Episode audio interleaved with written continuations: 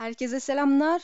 The Wolfpack kanalıma hoş geldiniz. Başlamadan önce Sena Doğan, Ferhan Evgin, Veysi Genç, Umutcan Dikenyol, Hakan Öksüz, Taha, Muhammed Öztürk, Abdullah Er Yılmaz, İlhan Karayel, Apo Bulut, Kadir Işık, Ertuğrul Çınar, Mehmet Emin Düştü ve Banu Akgün'e bana destek oldukları için teşekkür ediyorum.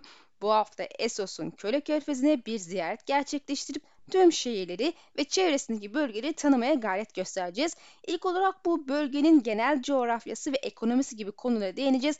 Daha sonra şehirleri tek tek ziyaret edeceğiz arkadaşlar. Köle Körfezi, Essos'un merkezinde yer alan kültürel ve coğrafi bir bölgedir. Eski Gis İmparatorluğu'nun küllerinden inşa edilen Köle Körfezi, küresel köle ticaretinin zengin bir merkezi haline gelmiştir. Tam konum olarak Orta Essos'un güneyine yer alıyor. Batıda Valier Yarımadası'nın doğu kıyılarına ulaşıyor ve Eldria Adası'nda içeriyor. Tolos ve Boğaraş harabeleri körfezin kuzeyindeki Boyalı Dağları'nın güneyinde yer alan kayalık bir bölge olan Kara Kayalıklar boyunca uzanır. Doğusunda hakkında pek bir şey bilinmeyen Yaros Adası, Tepelik Giscar Yarımadası ve büyük köle şehirleri Astopor, Miren ve Yunkai yer alıyor. Körfez güneyindeki Keder Körfezi'nden Sedirler Adası ile ayrılmakta. Eski imparatorluğun çöküşünden çok az Gisçeri kültürü kurtulmuş olsa da Göle Körfezi'nin modern halkı Gisçeri mirası büyük gurur duymakta ve kendilerini Harpi'nin oğulları veya Harpiya'nın oğulları olarak adlandırmaktadırlar. Şiirlerin her biri eski Gis'e benzer şekilde amblem olarak bir harpi kullanmakta. Eski Gis'in harpisi pençelerinde bir yıldırım tutarken Astopor'un harpisinin pençelerinde iki ucunda açık kelepçeler olan bir zincir asılıdır. Yunkai'nin harpisi ise pençelerinde bir kamçı ve demir tasma tutar. Miren'de amblem olarak bir harbi kullansa da harpilerin pençeleri ne oldu şu anda bilmiyoruz. Eski Gisçeri dili büyük ölçüde unutulmuştur. Çoğu modern Gisçeri Fatihlerin dili olan yüksek Valile dilinin bozulmuş bir halini konuşur. Astopor ve Yunkai leçeri eski Gisçeri dilin hırıltısını içerirken Miren'de eski Gisçeri dili harmanlanmış yüksek Valeria'nın piç bir formunu konuşuyorlar. Modern Gisçeri, Gisçeri glifleri yazmaya devam ediyor. Yani alfabelerini kullanmaya devam ediyorlar. Köle şehirlerinin üçünde de özgür doğan erkekler ve kadınlar tokar giyer. Bu bir güç işaretidir çünkü giyen kişinin giyerken kumaşı tek elle tutması gerekiyor. Tokarın üzerindeki saçak kişinin konumunu gösterir. Ekonomine gelirsek aslında isminden anlaşılacağı üzere kölelik köle körfezinin baskın endüstrisidir. Köle şehirlerinin et pazarları hakkında anlatılan hikayelerin korkunç ve ürkütücü olduğunu söylemeye zaten gerek yok. Şehirlerin köle tüccarları tabii ki de yönetici aristokrasilerini oluşturmakta. Astopor, Yunkai ve Mire'nin köle tüccarları kendini sırasıyla iyi, bilge ve büyük efendi olarak adlandırırlar. Eğitilen ve köle körfezinde köle pazarlarında satılan kölelerin çoğunda dotraklar sağlar. Et pazarı dışında Miren yakınlarındaki Gisçeri tepelerinde bol miktarda bakır bulunmakta ve bölgeye özgü küçük soluk sarı üzümler de mevcuttur. Mire'nin yeşil faziletine göre Gisçar'ı köle efendisi olmayı iten eski Gisçar'ın başına gelen felaketlerdir. Bunlar ise işte bakırın eskisi kadar değerli olmaması, eskiden etrafı kaplayan sedir ağaçlarının Valeria'nın ejderha lordları tarafından yakılmasından sonra bir daha büyümemesi ki ağaçlar yok olunca toprak güneşin altında kavrulmuştu. Belki de bu da toprak artık bereketsiz hale getirmiş ve ağaçların büyümesine engel olmuştur. Tabii Mire'nin ürettikleri bunlarla sınır değil fakat şehri ziyaret ettiğimizde ayrıntısıyla bahsedeceğiz. Şimdi Gizcer'e artık resmen girebiliyoruz. Gizcer, Keder Körfezi'nin doğu kıyısında bulunan Güney Esos'un bir bölgesi Eski Giz şehri bu bölgede bulunmakla beraber ayrıca Astopor ve Solucan Nehri Gizceri tepelerinin kuzeyindedir. Gizceri'nin güneyinde Gizceri Boğazı ve aralarında Büyük Gahan Adası ile Yeni Giz şehirlerinin bulunduğu küçük bir adanın da bulunduğu bazı adalar bulunmakta. Gizcay eski Gis'in imparatorun temeli olarak bilinmekte. Eski Gis'in birbirine kenetlenmiş lejyonları Gisceri'nin yakındaki ulusları fethedip köleleştirmesine ve çevrelerini kolonileştirmesini olarak sağlamıştır. Ancak Giscar 5 Gisceri Savaşı'nın sonunda Valire tarafından fethedilmiştir ve Gisceriler Valire dini konuşan kölelere indirgenmiştir ki bu da kendisi tabii ki ironi. Tabii ki Gisceri Valire'nin kıyametinden sonra özgürleşti ve köle ticaretinin kontrolünü yeniden ele geçirdi. Burası için bizim dünyanın antik Mısırı diyebiliriz diye düşünüyorum. Valire'de Roma. Roma nasıl ki daha sonra var olup güçlenip sonunda Mısır'ı ele geçirdi. Giscar da Valire tarafından ele geçirildi. Eski Giz şehrinin yıkık harabeline uğramadan devam etmeyelim tabii ki. Burası Gizcer'in güneybatısında, Keder Körfezi'nin doğusunda, Valeria Yarımadası'nın karşısında yer alır. Eski Giz İmparatorluğu'nun başkentiydi burası. Antik şehir dünyanın bilinen en eski kültürlerinden ve ulusundan biriydi. Kuruluşu ve altın çağı Halefi Valerian'inkinden bile binlerce yıl öncesine dayanıyor. Eski Giz antik kentinde tuğla duvarlar ve büyük piramit gibi devasa piramitler, tapınaklar ve evler vardı. Eski Giz Büyük Grazdan tarafından kurulmuştur. Amblemi bir kadın gövdesi, kol yerine yarasa kanatları, kartal bacakları ve akrep kuyruğu olan bir harpiydi. Pençelerinde bir yıldırım taşıyordu. Günlerin şafağında eski giz kapılarını açtı ve köle körfezi ile keder körfezini kontrol etmek için kilitli lejyonunu ortaya döktü. Giz'in eski imparatorluğu adım adım ilerleyen disiplini ve mutlak itaatiyle ulusları çizmelerin altına aldı ve köleleştirmediklerini de yok etti. Ama tabii ki Valile ortaya çıktıktan sonra savaşın sonunda onlar da artık köle olarak Valere'ye hizmet etmeye başladılar. Keder Körfezi'nden bahsedelim. Esos'un güney kıyısındaki Köle Körfezi tarafından beslenen ve daha güneyde Yaz Denizi'ne dökülen büyük bir körfez burası. Sediler Adası Körfez ile Körfez arasında yer alır. Keder Körfezi'nin batı kıyısı boyunca uzun yaz toprakları, tüten deniz ve Valire Yarımadası'nın kalıntıları yer alıyor. Doğu kıyısında ise yıkık eski Giscar şehriyle Giscar yer alır. Giscar Boğazı, Giscar Ghan'den ve ada şehri Yeni Gis'ten ayrılmakta. Sedir Adası ise hem Köle Körfezi hem de Keder Körfezi'nde ata biner gibi oturan büyük bir ada. En son işte Victorian sahnelerinde burayı kabaca görmüştük aslında. Bir zamanlar yüz savaşların adası olarak biliniyordu. Güney kıyısında soluk kum vardır. Su kıyıya yakın parıldayan bir turkuaz ve daha uzakta neredeyse siyah olacak kadar derin bir mavi renktedir. Sediler Adası'nda artık insanlar yaşıyor gibi gözükmüyor çünkü hayvanların insan korkusu yok. En azından güneyinde adanın sedir ağaçları kıyamet tarafından boğulmuştur. Ormanlar yeşil ve durgun bükülmüş ağaçlar ve garip parlak çiçeklerle dolu. Burada domuz türleri ve maymunlar mevcut. Sediler Adası'nda da iki şehir vardı. Kuzeyde Guhazai ve güneyde Velos. 400 yıl önce Valere kıyametin tetiklediği bir tsunami tarafından yok edildiler. Adadan sağ kurtulanlar en yüksek tepede konuşlanmış Velos'un mızrakçıları ve denizdeki bazı balıkçılardı ama halka daha sonra ne oldu yazmıyor. Sediler Adası'nın hemen batısında küçük bir adada başka bir harabe daha mevcut. Bu iki harabeden de bahsedelim. Guazai, Sediler Adası'nda harap olmadan önce bir köle liman şehriydi. Adanın kuzey kıyısında köle körfesine bakıyordu. Sediler Adası'nın kuzey ucunda yer alan şehir antik tuğla duvarlara ve basamaklı piramitlere sahipti ve adanın güney ucundaki Velos ile aynı kaderi paylaşarak tsunami ile yok olduğu kurtulan kesinlikle yok. Yıkılan piramitler şu anda maymunlar tarafından ıslah edilmiş durumda. Biz de zaten Victoria bölümünde burayı ve Velos'u gördük. Velos adanın güney ucunda bulunuyor ve Guazaya gibi tsunami yok olmuştur. Kıyamet sırasında denize olan bazı balıkçılar ve adanın en yüksek tepesindeki sağlam bir taş kulede görev yapan ve altlarındaki tepelerin ve vadenin azgın bir denize dönüşünü gören bir avuç Veloslu mızrakçı dışında hikayeyi anlatacak kimse maalesef kalmamış. Sedir ağaçları ve pembe mermerleriyle güzel Velos bir anda yok olup gitmiş. Gisçeri Boğazı ise Essos'un güneyindeki Gisça ile Gahan adası arasında bir boğaz. Keder Körfezi'nden Yaz Denizi'ne akıyor. Deni Kart'tan Astropol'a giderken buradan geçmiştir. Gisçeri'nin bulunduğu bu Güney Denizi'ne de Yaz Denizi dendir bilgisini verelim. Mavi sulara, ılık bir güneşe sahip daha aşağısında Sotorios bulunur ve batıya doğru ilerlersiniz Vestoros'a ulaşırsınız ve oradan da gün batı denizine. Yaz adaları, basamak taşları, Nahat ve Basilisk adaları bu bölgede bulunuyor. Tabi bu bölgeyi ziyaret etmemize daha var arkadaşlar. Biz Boğaz'dan devam edelim ve Gehen'de kısa bir mola verelim. Gehen, Keder Körfezi'nde bir ada olmakla beraber Gisceri Boğazı'nda sınırdır ve Essos'un güney kıyısında Giscar yakınlarında yer alıyor. Güneyinde Yeni Gisli dahil olmak üzere iki küçük ada var. Yeni Gisli ise Yaz Denizi ile sınırı olan Keder Körfezi'nde bir ada şehirdir. Giscar ve Eski Gis Karabeleri kuzeyde Gisceri Boğazı'nı geçtikten sonra yer almakta ve, ve diğer şehirler gibi ekonomisi köleliğe bağımlı olan bu şehir Volantis'ten çok daha küçük bir liman kentidir. Yeni Giz, Gisceri şehrin en yenisi ve en küçük ama en dinamik olanı olarak da biliniyor. Demir lejyonları eski Giz İmparatorluğu'nun kilitli lejyonlarından esinlenmiştir. Astrobor'un hadım askeri olan lekesizler tarzında silahlandırılmış ve eğitilmişlerdi ancak lekesizler köleyken lejyonlar 3 yıl süreli hizmet eden özgür insanlardır. Deni'nin ikinci kocası Hizdarzor Lorak'ın yeni gizli bir miktar etkiye sahip olduğu söylenmekte ama kitaplarda bunun bir önemi olup olmadığını daha görmedik fakat buranın deneye karşı olan savaşta yer aldığını belirtmek gerekiyor. Şimdi Valera Yarımadası'nın yakınlarında yer alan Elria kentine geçiyoruz. Elria, Essos'un merkezinde bir ada şehir ve Kölük Körfezi'ndeki Valera Yarımadası'nın doğusunda küçük bir adada yer almakta. Doğusunda Tolos, batısında ise uzun yaz toprakları yer alıyor. Elria, Valeria tarafından kurulmuştur. Zengin ve görkemli olmasına rağmen kendi kendini yönetemiyordu ve bunun yerine Valeria'dan adına yönetmek için gönderilen erkekler ve kadınlara bağımlıydı.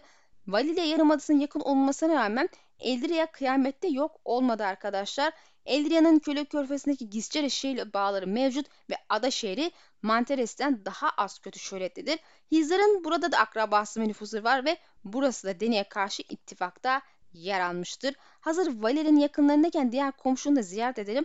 Manteres'ten başlayalım. Ünü düşünüldüğünde burada fazla kalmamak en iyisi tabii ki.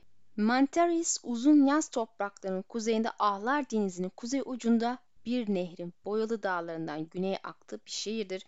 Valire yolları ile harabe şehirler Boğaraş ve Oras'a bağlanır. Volantis'ten başlayan ve tehlikeli olduğu için İblis yolu olarak nam salmış Valire yolu da Mentaris'ten geçer ve Miren'e kadar uzanır. Bu şehir uğursuz bir üne sahiptir ve bir canavarlar şehri olduğu iddia edilmekte zaten Valire tarafından kurulmuştur. Zengin ve görkemli olmasına rağmen kendi kendini yönetemedi ve bunun yerine Valile'den gönderilen erkekler ve kadınlar tarafından yönetildiler. Bu nedenle Elrea gibi özgür şehirler arasında burası da yer almaz. Bu şehir deneye karşı ittifaka katılmıştır. Mantalis Valeria'nın kıyametinden sonra yaşamaya devam etti ancak halkının çarpık ve canan olduğu söylenmekte. Tyrion buradan gelen iki başlı köle bir kız ölmüş yani söylentiler muhtemelen doğru. Bunun sebebi kıyametin yarattığı etki mi yoksa Valeria'da büyücülerin yaptığı deneylerin bir sonucu mu merak ediyorum.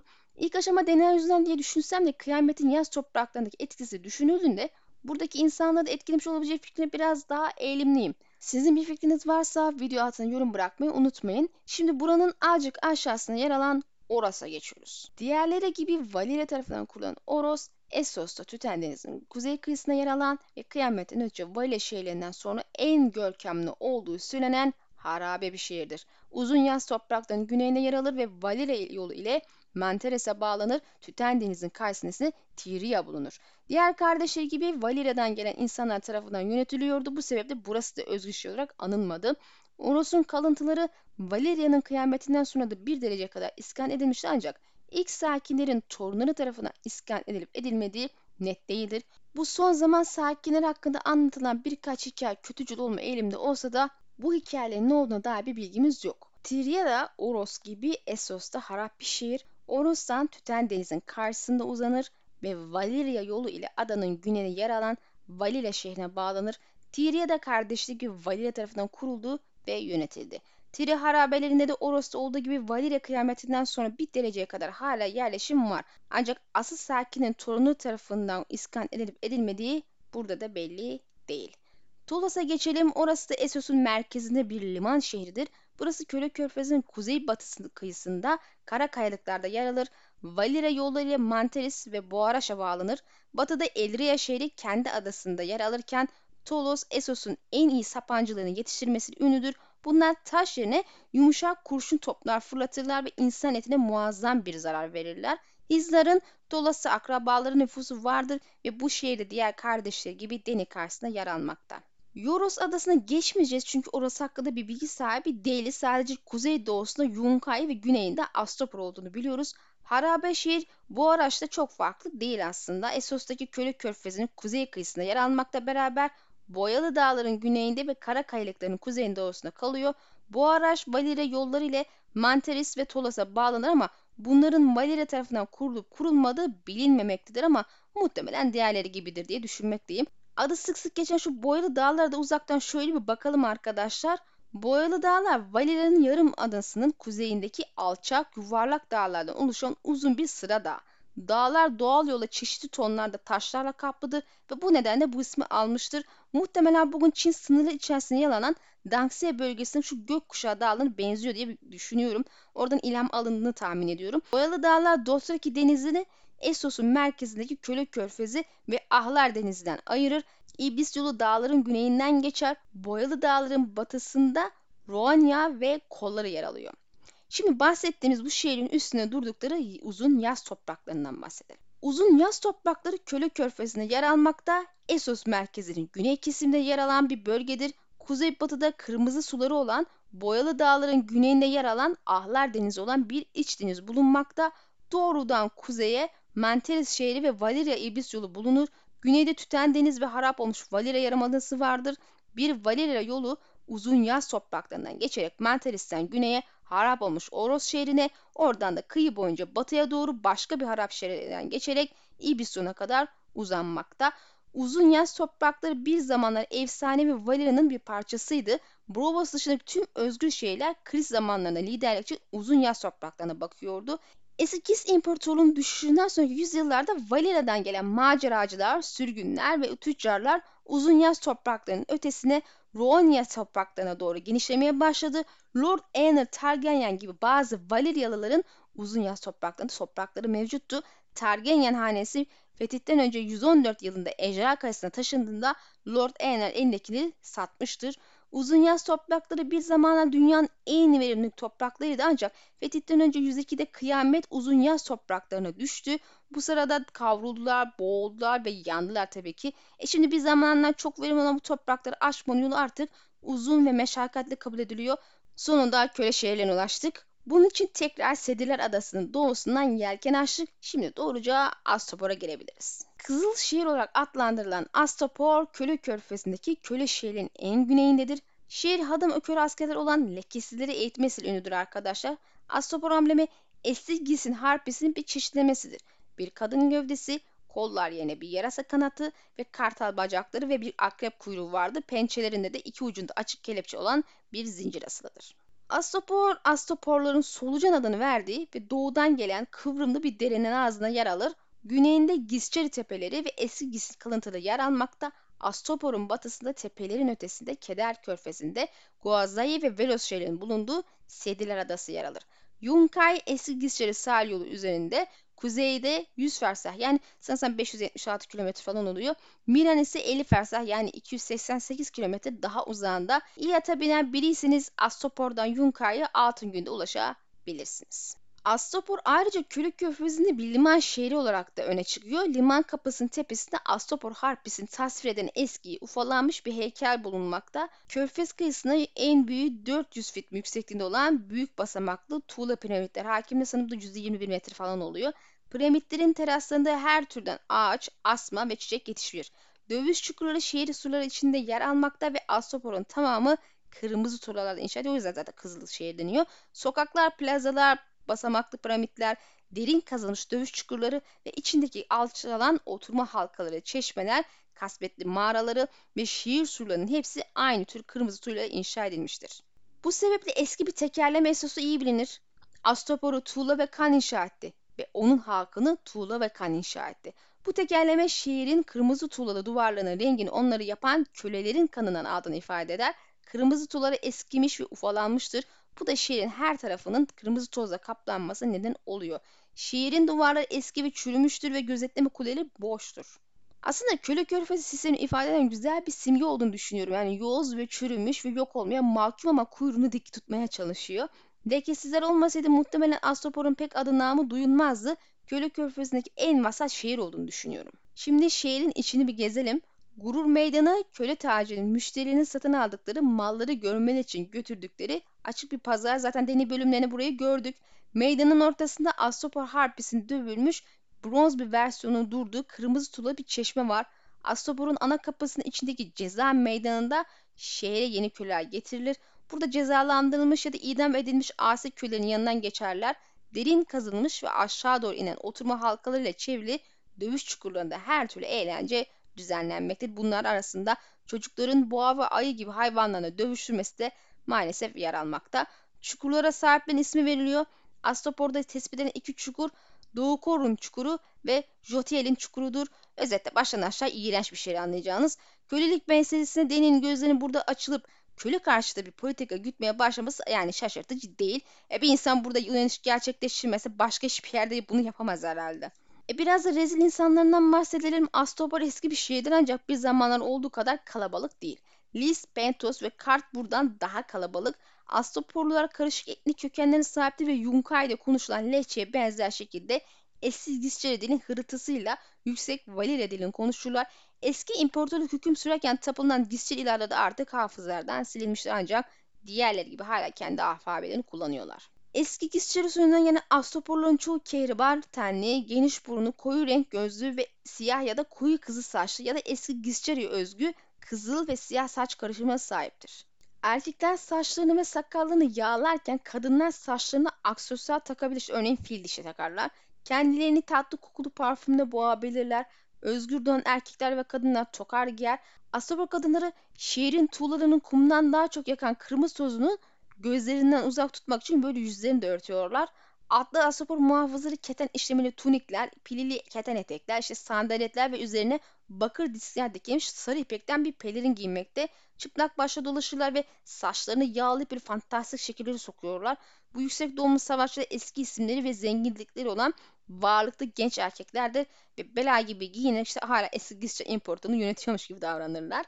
Bayram günlerinde savaş çukurunda böyle sahte savaş sahneleri yapıyorlar. Astapor varlıklı köle taciri olan iyi efendiler tarafından yönetilmekte. İyi efendiler alacak karanlıkta ipek fenerler yakarak piramitlerin renkli ışıklarının parlamasını sağlar. Şehir zayıf bir savunmaya sahipse de ve mütevazi bir Dothraki kalasır tarafından bir alınacak kadar güçsüz olsa da lekesizlerle karşılaşacağını bildiklerinden hiçbiri bunu denemez. Ayrıca Harpi'nin oğlu Dothraki kalaslarını cömertçe ziyafet çeker ve hediyeler vererek dostluklarını kazanıyor. Yani bir çeşit kazan kazan ilişki olduğunu söyleyebiliriz. Neticede Dothraklar onlara köle getiriyor.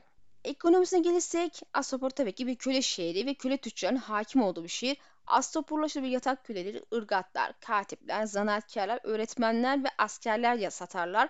Şehir bir köle el değiştirdiğinde fiyatın onda biri kadar komisyon alıyor.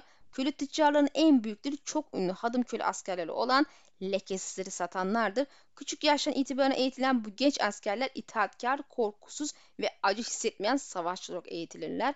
Astoporlular lekesizlerin eski imparatorluğun yeniden gelen lejyoner olduğunu iddia eder ancak bu eski lejyoner aksine lekesizler özgür insanlar değildir. Tarihine de kısaca değindikten sonra bir sonraki köle şehir olan Yunka'ya geçeceğiz. Astapor Esligis İmparatorluğu'nun bir kolonisiydi. Esligis'in Valeri ellerine yıkılmasından kurtulan ancak fethedilen Gisceri'den köleliği öğrenen ve imparatorluklarını genişletmek için kölelik kullanan Valiler tarafından fethedildi. Astopor'un lekesizlerin ünü Korun 3000'i 400 yıl önce kan yüzü sırasında bir Dothraki kalasının savuşturduğunda pekişmişti. Astopor'un hadım asker genelde zaten özgür şehirlerin yöneticili tarafından kiralanırlar ya da satın alınırlar demek daha doğru olur. Sarı olarak alınan Yunkai ise Esos'un merkezindeki köle körfezinin doğu kısmına yer alan köle şehirlerinden biri olarak öne çıkıyor bilgi efendiler tarafından yönetilen Yunkai'nin ana ekonomisi tabii ki yatak köleleri. Yunkai aynı zamanda Şiilerin kraliçesi olarak anılır ki bu unvan Kart tarafından da talep edilmiştir. Bu sebeple bu konuda kendince bir rekabet var denebilir. Yunkai amblemi eski Gis'in harpisinin bir varyansonudur. Pençeleri bir kırbaç ve demir bir tasma tutar. Bu şehir eski Giscar sahil yolunu takip ederek 100 fersah güneyde Astopor ve yaklaşık 50 fersah kuzeyinde Miren yer alıyor. Yunkai'nin güneybatısında Yaros Adası vardır. 3 fersah güneyinde eğimli bir kum taşı sırtının yakınında bir huş ağacı ormanı yer almakta. Yunkai sarı tuğlalardan yapılmıştır. Yıkık duvarları, kuleleri ve uzun basamaklı piramitleri vardır. Bunlar arasında Kakkaz'ın altın piramidi de var. Şehrin kapılarının üzerinde büyük bir harfi bulunur. İnsanlardan bahsetmek gerekirse Yunkailer Astapor'unkinden farklı ama yeterince benzer bir yüksek Valir lehçesiyle konuşurlar. Halk kurnaz ve yozlaşmış oldukları düşünülen ve bilgi efendileri olarak kendini adlandırdıkları köle taciri tarafından yönetilir. Yunkai'nin soylu savaşçıları koyu sarıya boyanmış keten etekler ve tunikler ile bakır disklerle dikilmiş pelerinler giyiyorlar. Saçlarını yağlayıp kule ve şekillere sokan yani yine fantastik şekilleri sokan ve şekillerini korumak için uzun müferler takan insanlar bunlar. Neden böyle saçta takıklar bilmiyorum. Soylular Astopa ve Miren'de olduğu gibi bir güç gösterisi olarak saçaklı tokar takıyor. Yunkailer at ve deve sürerler. Şehrin surları arbeletçiler ve sapacana tarafından savunulur. Yunkai'nin tamamı köle olan yaklaşık 5000 kişilik bir ordu kurabiliyor. Ekonomisinden yüzeysel değmiştik ama biraz daha aynısına gelelim. Yatak külleri dışında dansçılar yürüyecek yaşa geldiklerinden beri dans etmek üzere eğitilirler ve tüm o erotikten sanatlarda uzmandırlar. Miren'de olduğu gibi Yunkai'de de hadımlar sadece tesisleri keserek oluşturur ve, ve Yunkai'de köle kılıç ustaları kullandığı kılıçtan daha ucuzdur. Yani insan hayatı sudan daha çok ucuz sözünü birebir karşını burada ve Miren'de görebiliriz anlayacağınız. Yunkai'de Astopor gibi eski Gis imparatorluğunun bir kolonisiydi ve diğer kardeş köle Şili gibi birebir aynı kadere sahiptir. Şimdi üçüncü şehir olan Miren'e geçiyoruz. Tabi bunun için köle körfezin biraz daha kuzene doğru at sürmemiz gerekiyor. Böyle anlarda nerede ejderhalar demeden kendimi alamam tabi. Uçmayı karayolcuna tercih ederim ben. Şehir kuzeydoğu kıyısında Skazat Han ağzına yer alıyor. Doğudaki denizi kuzeyde, nehrin ötesine uzanıyor. Miren'den Lazar'a ulaşmak için Kızay geçidinden geçmek gerekir ki zaten ikinci video buralarda değindiğim için tekrar etmeyeceğim. Eski Gisçeri sahil yoluyla Yunkai 50 fersattan biraz daha güneyde, Astopor ise 100 fersat daha güneydedir. Miren ile Astopor arasındaki mesafe toplamda işte 150-200 fersat arasında. Miren'in iç bölgeleri Lahazar'ın batısındaki tepeler ve bir dizi yuvarlak kum taşı dağını içeren Yunkay Tepe'nin güneyine kadar uzanan tüm topraklardan oluşuyor. Yani anlayacağınız üzere Miren Köle Körfezi'nin üç büyük köle şehrinin en kuzeyinde olanı ve en büyüğüdür. Yunkay ve Astopur'un toplamı kadar büyük alandan bahsediyoruz. Miren'in köle ailenin reisi olan büyük efendinin tarafından yönetilirler. Diğer köle şehirleri gibi Miren'in amblemleri harpidir ama pençelerinde ne tutmakta bilmiyoruz. Belki bir şey tutmuyordur. Martin burada o kadar uzun süre sahne yazıp da bu ayrıntı vermesi aslında birazcık garip. Belki unutmuştur. Şimdi şehir içine biraz daha tura çıkalım. Köle şehri de olsa sanırım gezip görmeye değer tek kent burası bana göre. Kardeşleri gibi bu şehirde tuğladan yapılmışlar ancak göreceğiniz üzere Astopor ve Yunkai'nin aksine Mire'nin tuğları birçok farklı renklidir. Mire'nin surları Yunkai ve Astopor'unkinden daha yüksek, Astopor'unkinden daha kalın ve Yunkai'kilerden daha bakımlıdır. Burçlarla donatılmıştır ve her açıdan büyük savunma kuleleriyle sabitlenmiştir. Şehrin kuzey duvarı nehir kıyısı boyunca, batısı ise körfez kıyısı boyunca uzanıyor. Nehir duvarı diğerlerinden birkaç metre daha yüksek. Duvarların üzerinde Mirenlilerin aşağıdaki herhangi saldırgana kaynar yağ püskürtebilecekleri ağızları açık bronz harbi kafaları sıralanmıştır. Şehrin içinde dar kırmızı sokaklar ki oralarda güvenlik açısından girmeyeceğiz. Geniş tuğla caddeler, tapınaklar, tahıl ambarları, hoveller, saraylar, genel evler, hamamlar, bahçeler, çeşmeler ve tabii ki dövüş çukurları vardır. Mine'nin soyları diğer şehirlerde olduğu gibi basamaklı. Piramitlerde yaşayanlar garip garip saçları vardır. Bu piramitlerin en büyüğü Mine'nin merkez meydanında bulunan ve 800 fitin yüksekliğinde olan büyük piramittir. Şehirde birkaç tane daha küçük piramit vardı ancak hiçbiri yarısı kadar bile yüksek değil. Büyük piramidin tepesinde büyük bronz bir harfi vardır. Piramitler oralarda yaşayan soylu hanenin renklerini inşa edilmiştir. Mesela Pal piramidi pembe ve beyazken Nakkan piramidi yeşil ve siyah ve Razadar'ın büyük piramidi sarı ve yeşildir. Kantak piramidinin mütevazı olduğu söylenir. Piramitlerin arasında yoksul mahalleler bulunmakta. Şehrin atıkları ise büyük tuğla lağımlarla sık Hazdan nehrine taşınmaktadır. Bu kanalizasyonlar demir kapılarla kapatılmıştır ancak bazıları paslanmıştır zaten hatırladığınız üzere şiir bu şekilde ele geçti. Hangi salak bunu değiştirip güçlendirmez derseniz Mirenler gibi kimirli ahmaklar dersiniz. Mirenler tabii ki bu nehirden su içmiyorlar. Bunun yerine kuyulardan toplanan su içiyorlar. E, lağım boşalttıklarını düşünürsek e, doğaldır. Az önce bahsettiğim gibi Miren'e dağılmış çok sayıda dövüş çukuru var. Bunlar arasında Dazlak'ın çukuru, Graz'ın çukuru ve Altın çukuru bulunur. Dazlak'ın çukuru şehirdeki tüm dövüş çukurlarının en büyüğüdür. Büyük piramidin batısına yer alıyor. Deni buraya ele geçince dövüş çukurunu kapatmıştı ama yakın zamanda tekrar açtı. Açılış felaketle sonuçlandığı şimdi oyunlar düzenlenmiyor. Emiren Rahibe'nin evi olan Lütuflar Tapınağı da aynı şekilde Büyük Piramidin batısına yer almakta. Altın kubbelerle örtülü devasa bir yapıdır. Arama meydanında büyük bir bronz harf var. Miren'de Rahazadar'ın Büyük Piramidin yakınında Mor Nilüfer'in bulunduğu bir baharat pazarı da dahil olmak üzere birçok pazar var arkadaşlar. Miren'deki bir başka yerde Mazda'nın labirentiydi ama oraya girme imkanımız olmadığı için nasıl bir yer bilgimiz yok. İsminden sadece bir labirent olduğu çıkarımını yapıyorum. Mire'nin büyük batı kapısının içinde bir pazar daha var. Bu pazar meydanında Mire'nin kadim köle borsası, meydanın güney tarafına bakan tüccar pasajı ve zincircinin yıpranmış bronz heykeli bulunur. Heykelden çok uzak olmayan bir yerde Büyük Efendilerin Kafa Tasları Kulesi adını verdikleri çok korkunç bir anıt yer almakta. Ne için olduğuna dair bir bilgi yok ama tahmin etmesi zor değil.